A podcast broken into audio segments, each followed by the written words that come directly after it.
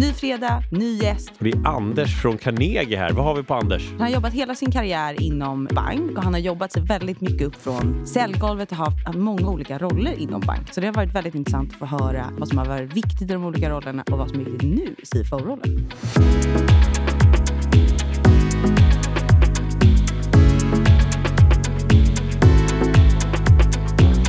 Och du är väldigt utvilad nu och som kommer med full energi efter att ha haft en veckas ledighet. Jag kom hem från Kanarieöarna i onsdags och möts av världens snökaos tänkte jag säga. Men Så nästa. ännu mer deppigt för mig eftersom jag har bara varit hemma i snön hela tiden och du faktiskt har varit på semester. Det skulle man kunna säga. Men jag är väldigt, väldigt taggad. Ser fram emot ett bra avsnitt med Anders och en peppad Elin. Välkomna till podden hörni. Hej och välkomna till ett nytt avsnitt av Toppskiktet. Så idag har vi kanske min favoritgäst i studion. Inte bara för hans spännande karriär inom investment banking, men också för hur lugn jag blir av finlandssvenska. I snart 20 år på Carnegie har han jobbat sig från säljgolvet upp till kanske den viktigaste rollen inom ledningsgruppen enligt mig, CFO-rollen.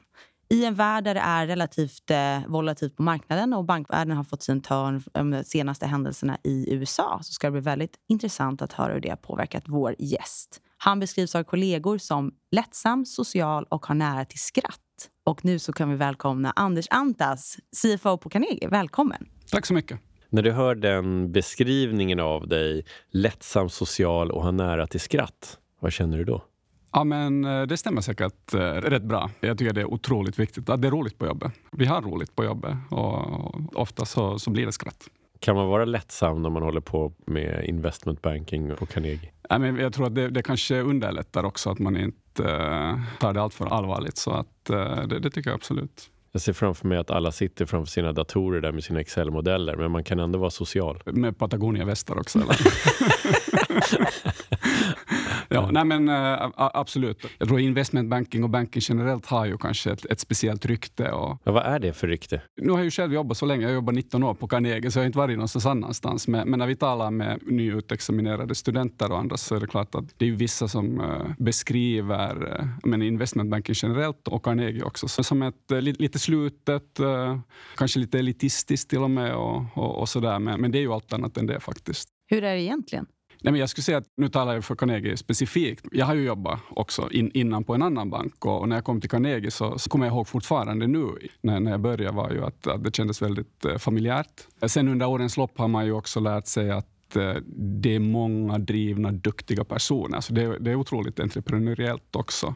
Sen att jobba på Carnegie är ju det är rätt prestigelöst. Det är den typen av personer som vi söker som är prestigelösa och förlåtande. Så att, förlåtande? Ja, nej, men liksom att det ska vara okej okay att göra fel. Det är inte hela världen om man, om man gör ett fel. Och det, när man driver bank också så är det otroligt viktigt att man kan lyckas fånga upp fel och, och misstag som, som ändå sker hela tiden. Och förlåtande gör ju också att om man känner att man kan göra fel och får göra fel, det, det skapar ju kreativitet också. Så att, Nej, men jag tror det, företagskulturen är väldigt viktig.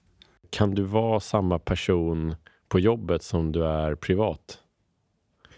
borde nästan fråga familjen. Men, men uh, i grunden är jag ganska lugn.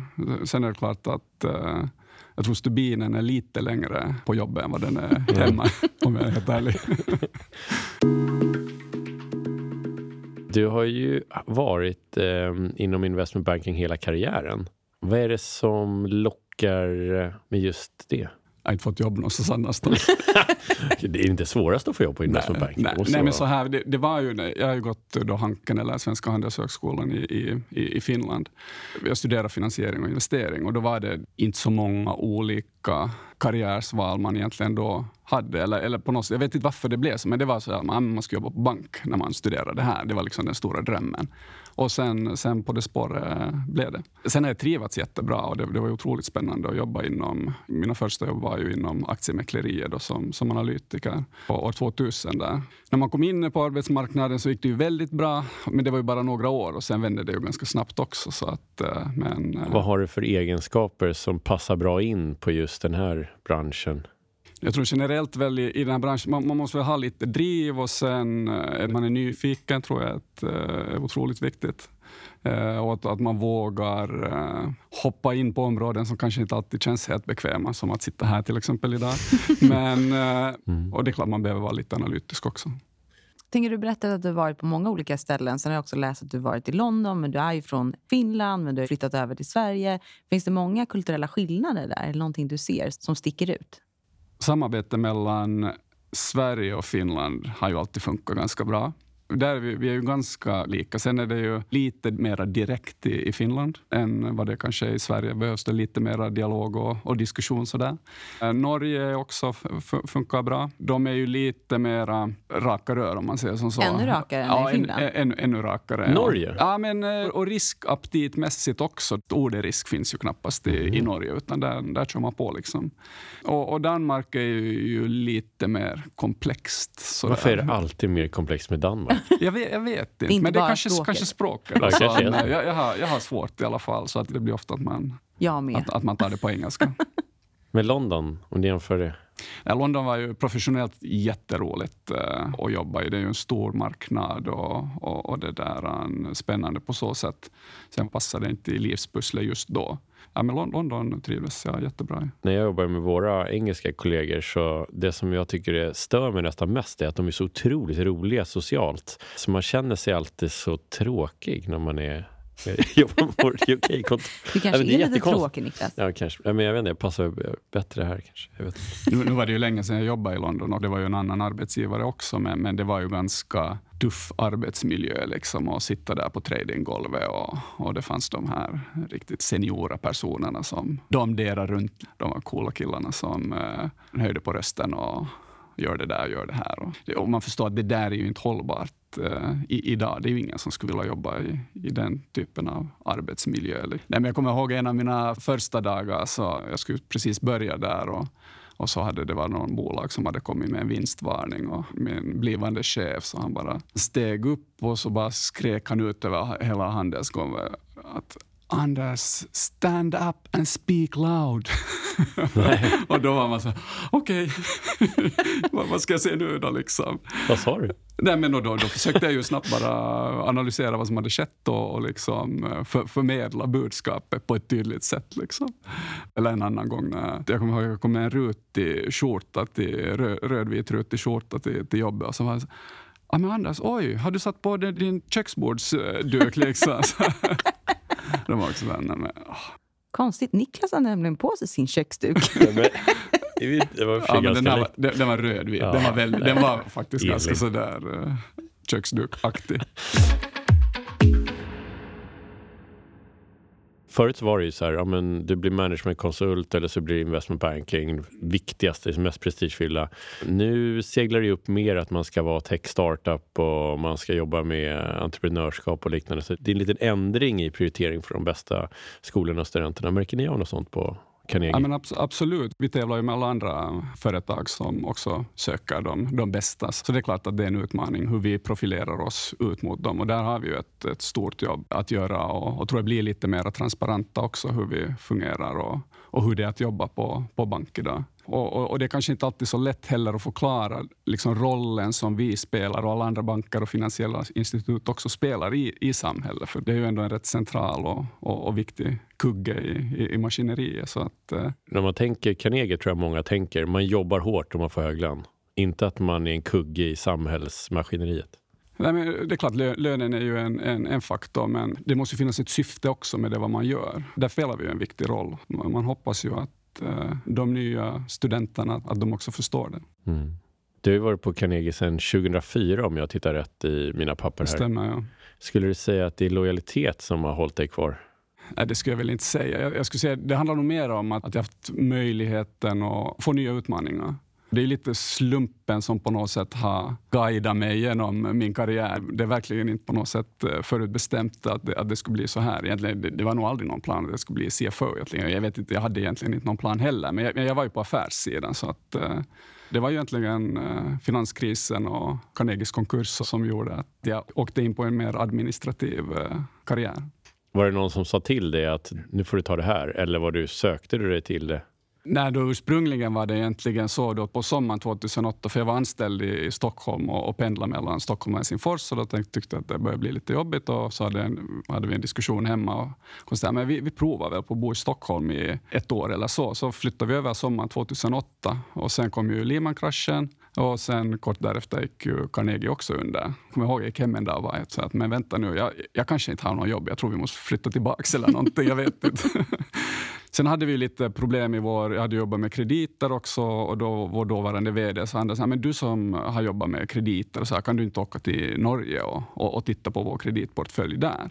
Och jag åkte dit och ja, men det var rätt stora problem. Liksom. Sen satte vi upp en, en sån här bad bank och så började jag jobba i den. Bad bank, vad är det för något? Det är egentligen det, det gör banker som har hamnat i trubbel. Det är ett, ett sätt att hantera de här krediterna, att man sätter upp ett, en, en separat enhet eller bolag och så lyfter man över de här dåliga krediterna i det här bolaget och sen eh, försöker man få tillbaka så mycket som möjligt av de utlånade pengarna helt enkelt. Nej, men så det var väl startskottet i min administrativa karriär. Mm. Men vad hände efter det då? Ja, men efter, efter det, vi jobbade, jobbade med det där i, i några år.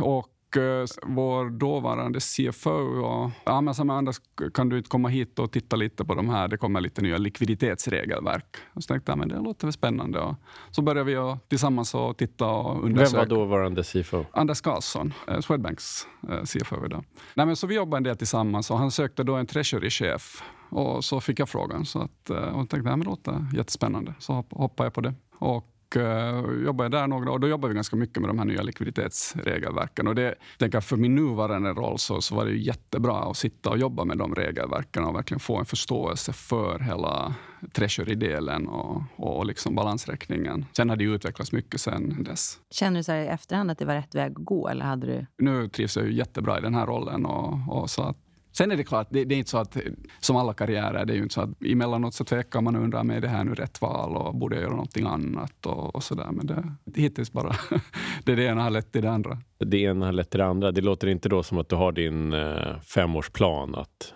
jag ska vara där om fem år och jag ska plocka på mig de här delarna för att nå Nej, det.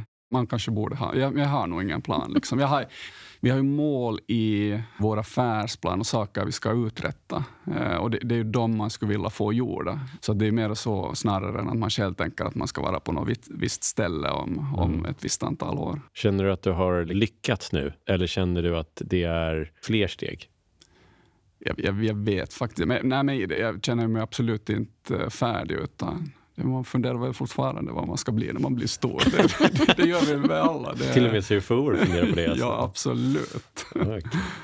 Vi hade Stefan Friberg från Svensk Exportkredit här som berättade om att, jag tror han överraskade oss lite grann. Han sa att ja, när han är klar med sin CFO-roll, då ska han flytta till Frankrike och öppna en restaurang där med fokus på mat och vin.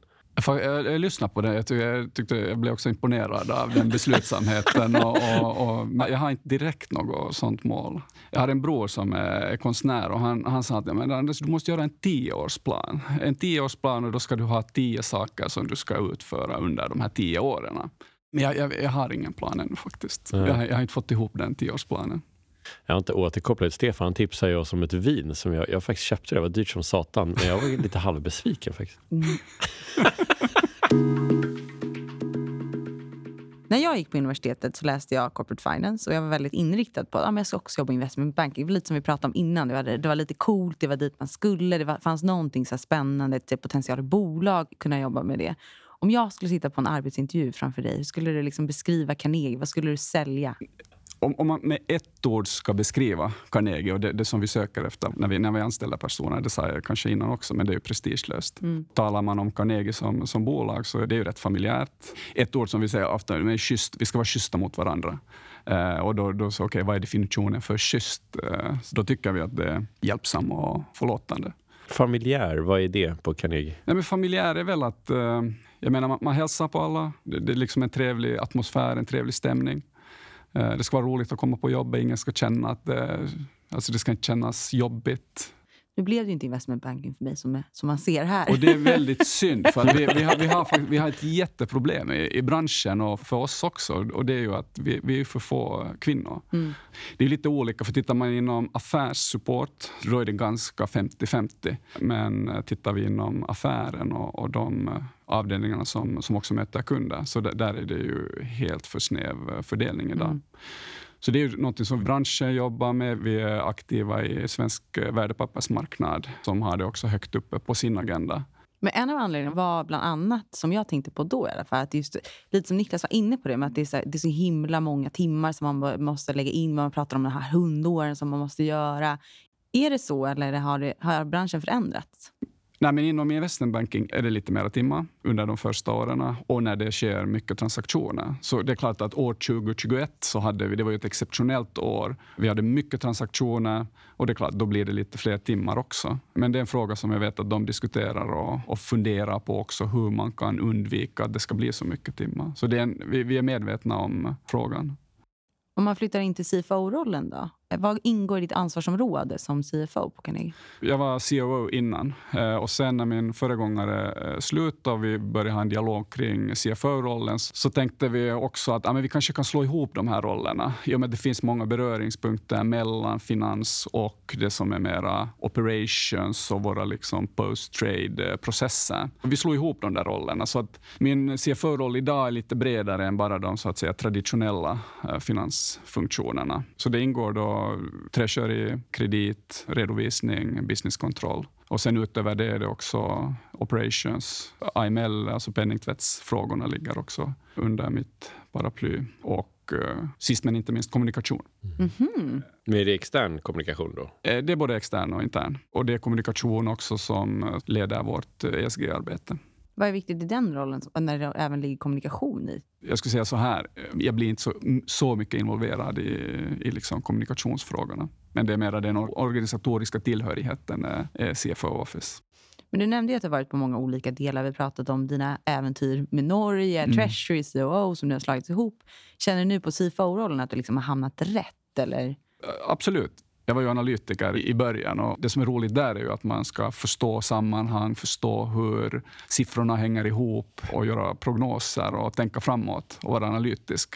De redskapen har man ju nytta av nu som CFO. Så på, på det sättet känner jag att jag landar rätt. Sen har jag, jag har ju inte den här traditionella redovisningsbakgrunden som många CFO har. Tycker du att det är en styrka att du inte har det eller är det någonting som du känner att du saknar? Jag tycker inte jag direkt saknar det, men det skulle kanske vara bra att ha lite djupare förståelse för de frågorna. Sen kan man ju lära sig allt också. Men kommer vi till de lite mer komplexa koncernredovisningsfrågor, så då går jag till min kollega Anders som hjälper till. Så att inte direkt. Viktigt att bygga upp teamet runt det som har den ja, men Faktiskt. Jag har ju inte djupa kunskaper egentligen på något område, utan mm. jag, kan, jag kan lite av mycket. Det är otroligt viktigt att ha duktiga medarbetare. Eh, pratar mycket om, eh, i alla fall inom vårt område, hur man jobbar om, med finance som en stödfunktion eller mer som core business. Så du nämnde där att det är både COO och CFO-rollen. Känner du liksom att finance är mer core business eller känner ni att det är mer som en stödfunktion? Våra affärsområden är ju ganska, ganska självständiga. Vi är ju ganska mycket stödjande, men sen, sen, är det klart att allt vi gör, alla produkter, alla tjänster vi egentligen säljer, så får ju en påverkan på vår likviditet och på vår kapitaltäckning. Så, så det blir ju ofta affärscentrala frågor som vi är involverade i. Så att, eh, lite både och. Hur bygger man en sån stark företagskultur kring det här? Hur man hjälper till med stöd eller hur man jobbar med sitt eget finance-team. Hur bygger man liksom en stark företagskultur? det är ju nog bara att finnas där, vara närvarande och vara nyfiken och, och, och försöka hjälpa till. Jag vet inte om det är mer komplext än så. Det låter bra. Vad skulle du säga att din USP är som CFO? Tror du? Det kanske någon annan borde svara på. Men, men, men det är väl, om man tar Carnegie specifikt så kan jag ju Carnegie eh, ganska bra. Så jag förstår ju vad som händer i affären. Jag, jag, jag förstår hur transaktionerna går till. och när mäklarna eller analytikerna gör sitt jobb. Jag, jag, vet hur hantverket ser ut, för det har inte ändrats så mycket under, under de senaste åren. Sen är det klart, när man har varit på samma ställe många år så börjar man fundera. Man, jag hoppas någon säger till sen när det är dags att eh, flytta på sig. Men, eh, har du någon gång tänkt så själv? Borde jag flytta på mig? Eller ja, men det är klart, man, man, får ju verkligen fundera efter. Det är ju risken när man är på samma ställe länge, att man blir bekväm. Så jag tror, det har jag nog lovat mig själv, att den dagen jag känner att jag inte mer tillför någonting eller utvecklas själv, då måste jag röra på mig. Eller att det blir för mycket förvaltning. Mm. Men så länge det liksom händer nya saker, vi har nya projekt vi, som vi driver framåt och, och spännande steg att ta, så då, då, då är det värt att stanna kvar. Vilka är projekten eller vad är det ni gör? Det som vi har gjort historiskt och det som kanske har varit en röd tråd också genom min karriär sen 2008 har ju varit att Carnegie ja, men har haft en ganska fragmenterad eh, IT-infrastruktur. Var vi egentligen har haft eh, egna system i varje nordiskt land det blir dyrt i längden när man ska utveckla, framförallt med alla nya regelverk. Så, så det har ju varit ett pågående arbete under de senaste tio åren egentligen, var vi tog de första stegen i att förenkla vår affär i, i Finland, som då gick med, med förluster. De här IT-projekten, och framförallt kopplat till uh, vårt backoffice-system, är ju rätt uh, tunga och, och, långa projekt. Så, så det är väl någonting man har jobbat med och lärt sig en hel del om under vad har det varit det svåraste med?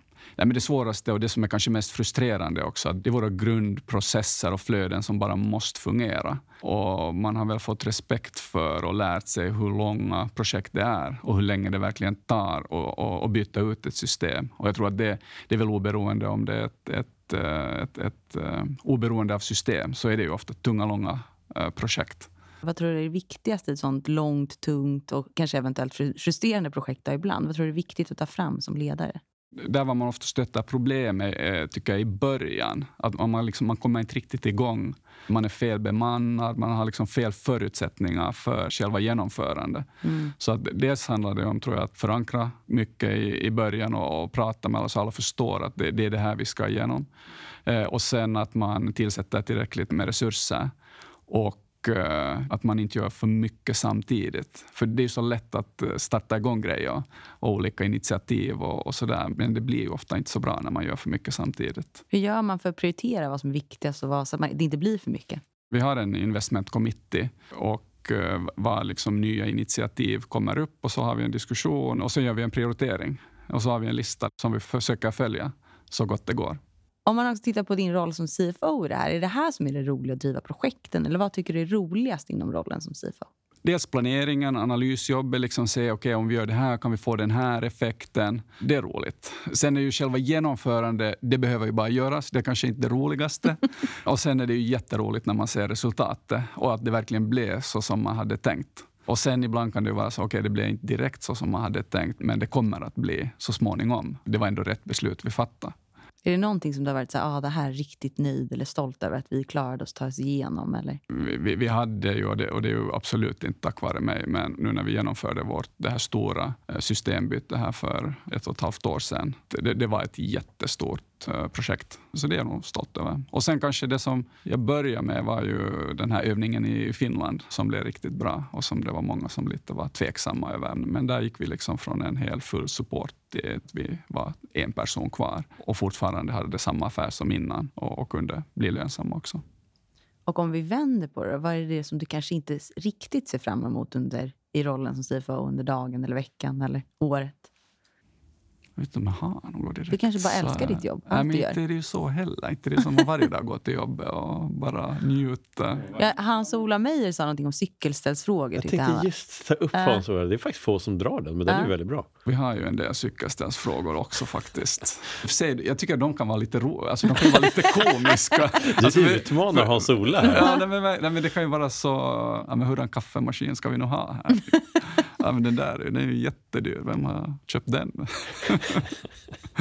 ja. Men om man säger så här då, regelefterlevnad. Är det roligt eller är det nödvändigt ont? Ja, men det, det är nödvändigt. Alltså, jag tycker regelverk är, inte liksom, det är en del av uh, mm. affären. Det är en del av, av att bedriva bank. Då mm. behöver man uh, följa regelverk. Men du går ändå in med de mötena med energi? Det är inte så här, åh, Nej, men absolut. Det, där handlar det ju också om att ja, men vi har ett nytt regelverk. Okej, okay, men hur, gör vi, hur implementerar vi det här regelverket mm. på bästa sätt? Det är ju egentligen ingen skillnad om det är ett regelverk eller om det är ett system. Det, det är liksom samma glädje av att, att lyckas med ett regelverksimplementeringsprojekt som något annat. Är det samma glädje? No, nu ska jag säga att sen, sen är det ju alltid svårt att dra gränsen. Okay, när exakt är man compliant? Mm. 100% compliant. Det finns ju alltid någonting man kan förbättra på. Men, men... Birgitta, för detta SIFO på Avanza i alla fall, vi pratar just om regelverk och det har varit så himla ansatt för, för bank. Så. Tror du att det kommer komma mer eller har vi liksom nått en kulmen nu på regelverk för bank? Jag har varit några gånger nere i Bryssel och det är rekommendationen att åka ner till Bryssel så förstår ni, det kommer att komma nya regelverk. Där finns ju jag menar, hundratals politiker och tjänstemän som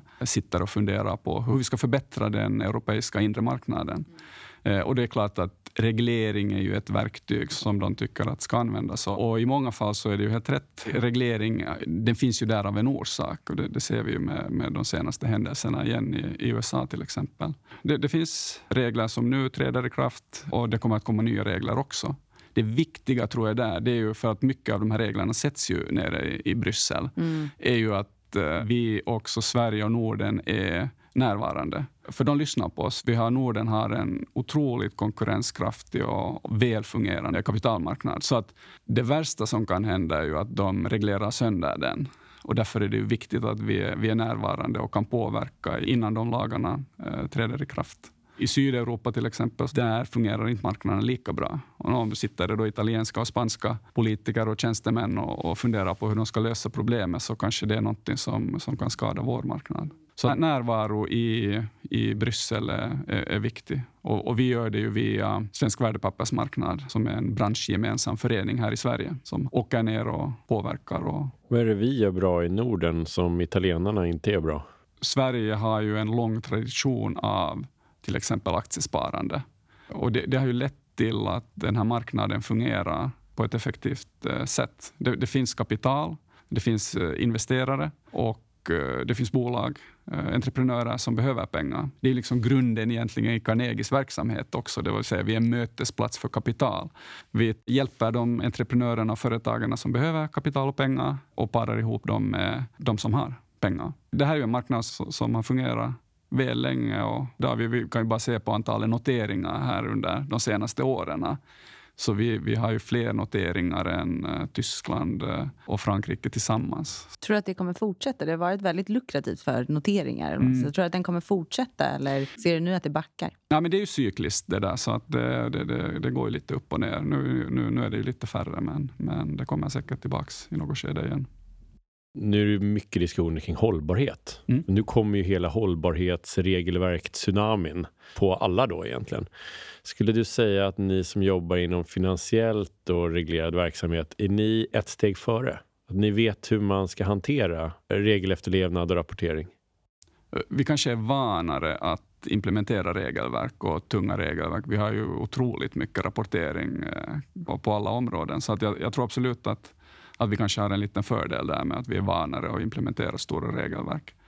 Om du skulle ge något tips till eh, andra branscher som nu ligger här. Vi vet att det kommer komma mer regler, det kommer behöva rapporteras. Och vad är det man ska göra just nu för att vara i framkant här om man är CFO inom, ja vi kan ta dagligvaruhandeln här, vi hade ju Axfood här nyligen jag kanske inte ska ge, ge råd här åt Axfood, men, men eh, de har nog säkert koll på läget. Men, men jag, jag, tror generellt handlar det där också om att verkligen förstå regelverket, i vilka etapper som det slår på företaget och, och sen att bemanna upp och se till att man har rätt resurser för att kunna genomföra det. Sen tycker jag man ibland får ha kanske lite is i magen också och inte vara liksom för stressad i, i början. För ofta med nya regelverk så är de ju, det, det är lite luddigt, det finns mycket oklarheter. Det är inte, och då gäller det ju att man eh, väntar in vad branschpraxis blir till exempel. Ja, det är bra. Du bemanna upp, vad innebär det? Ja, men, men det är ju bara alltså, resurser helt enkelt. Att man inte, ja, men vi lägger det här på avdelning X liksom, så kan de göra det lite på sidan om. Utan, eh, ja, men man, behöver, man kanske måste bilda en ny avdelning eller anställa en projektledare och, och sen också fundera på hur när projektet är genomfört och man har implementerat all ny rapportering, att man också har personer som har varit med under projektet och, och sen kan också ta över och, och sköta den löpande rapporteringen. Det som är intressant med just hållbarhet är att eh, vi ser alla bolag, det är så många som säger att ja, vi ska vara CO2-neutrala 2030, 2035, 2040. Och sen så eh, börjar man bemanna upp och så investerar man i en hållbarhetsfunktion. Och sen så börjar man nu, hur är vi egentligen? Vad mm. har vi för avtryck? Vad är det vi ska göra och liknande? De diskussioner som jag jobbar mycket med ekonomifunktioner så blir det ju ganska snabbt komma fram till det här kommer ju bli en eh, rapportering. Och det krävs disciplin i rapportering och siffror och allting som ligger mycket i CFO-rollen oftast. Och därav behöver man då eventuellt spela en roll. Är det några tankar kring det här? Vad behöver man göra som CFO så man inte är reaktiv? Från tidigare har vi ju mycket rapportering och det är klart att för oss kommer det här också att bli rapporteringstungt. Så vi, vi delar upp det egentligen i, i, i, två delar. Vi har dels är det ju Carnegie som bolag som rapporterar, vi behöver göra en hållbarhetsrapport och så. Det är liksom en aktivitet. Sen har vi den andra aktiviteten är ju kopplat till all, all rådgivning som, som vi gör och där försöker vi integrera eh, hållbarhet och det har vi jobbat med länge, hållbarhet i våra produkter och, och tjänster. Sen blir det rapportering kopplat till de investeringar som vi har i våra egna produkter. Och det är ju på värdepappersnivå som man har hållbarhetsinformation som man behöver liksom tratta upp och aggregera och sen rapportera på. Men, men i grunden så underlättar det om man har någon form av infrastruktur för att trycka in alla och, och samla in de här siffrorna och aggregera upp det.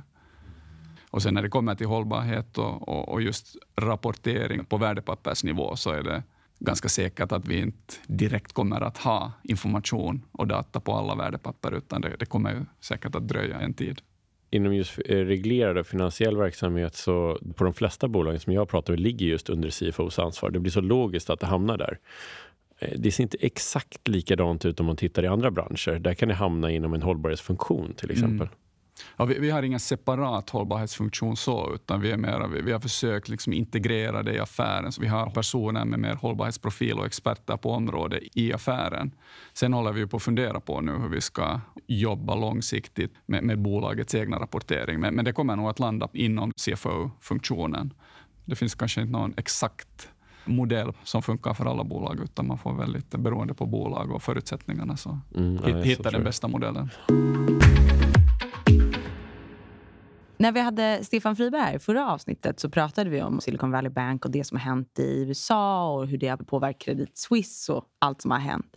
Hur ser du på det?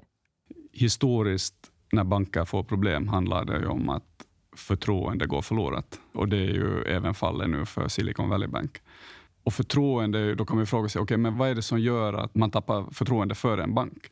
Och då om man tittar historiskt på de bolag som har hamnat i trubbel så går det ju ofta att koppla till lönsamheten för de här bankerna. Och där kan vi ju se att i USA så hade vi för de här bankerna sämre lönsamhet. Vi hade Credit Suisse som hade lite sämre lönsamhet som också hamnade i trubbel. Så det är ofta de som sen marknaden hoppar på liksom och som börjar diskuteras.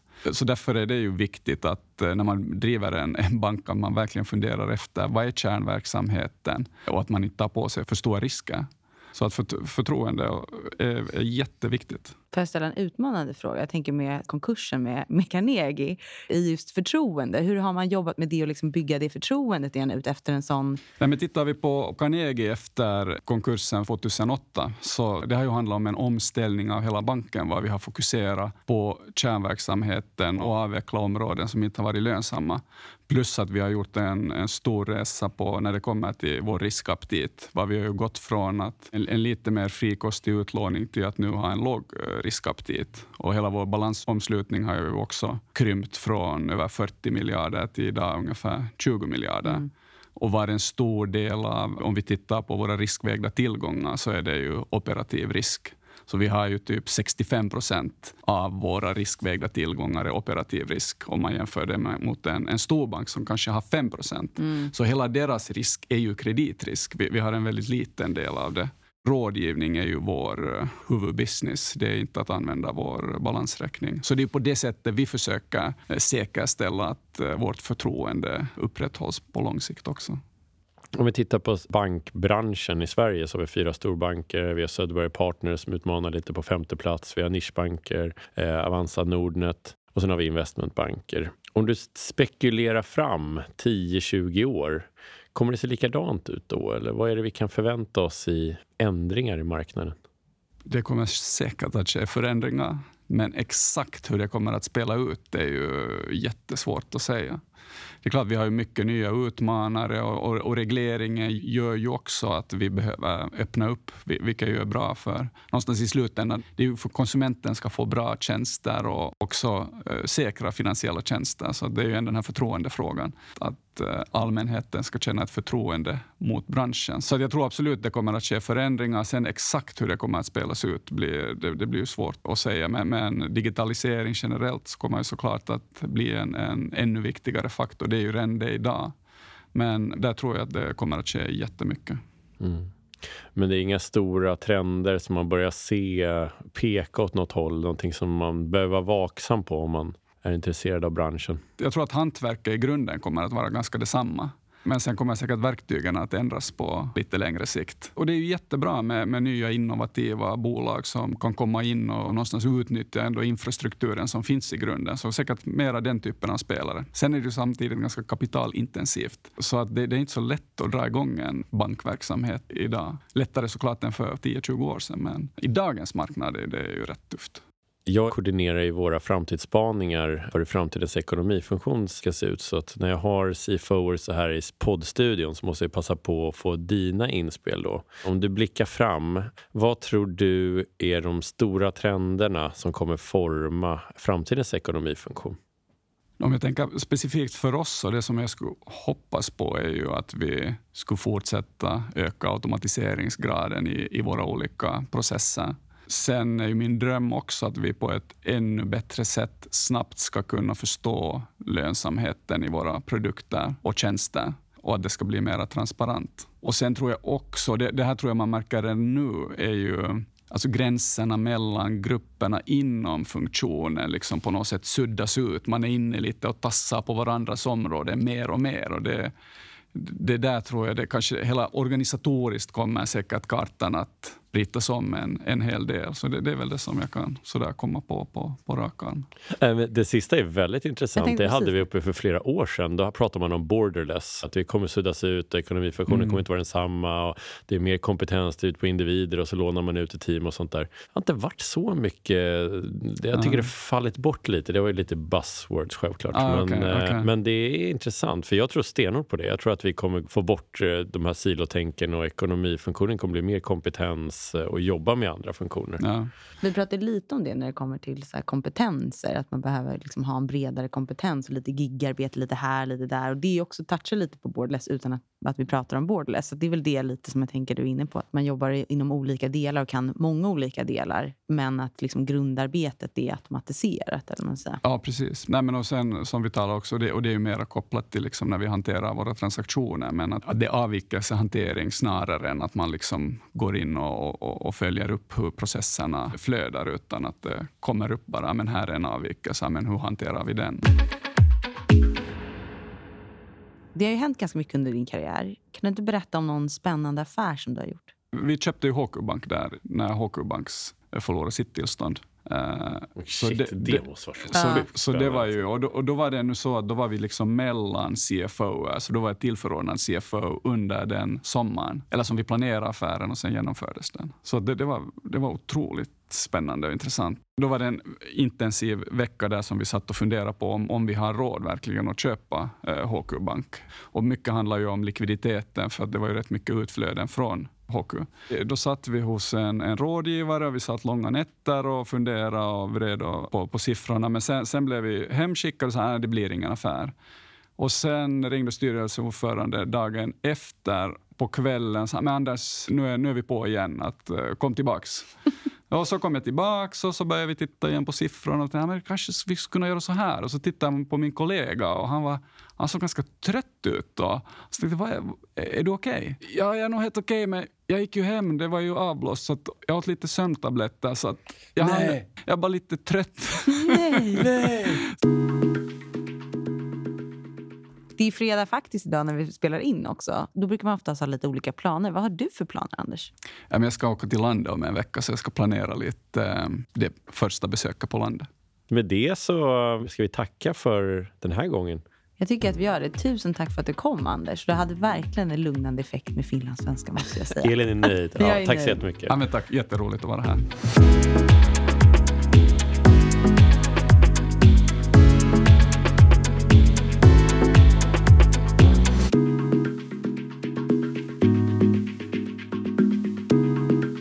Inte säga att jag ska spela tv-spel. jo! Nej!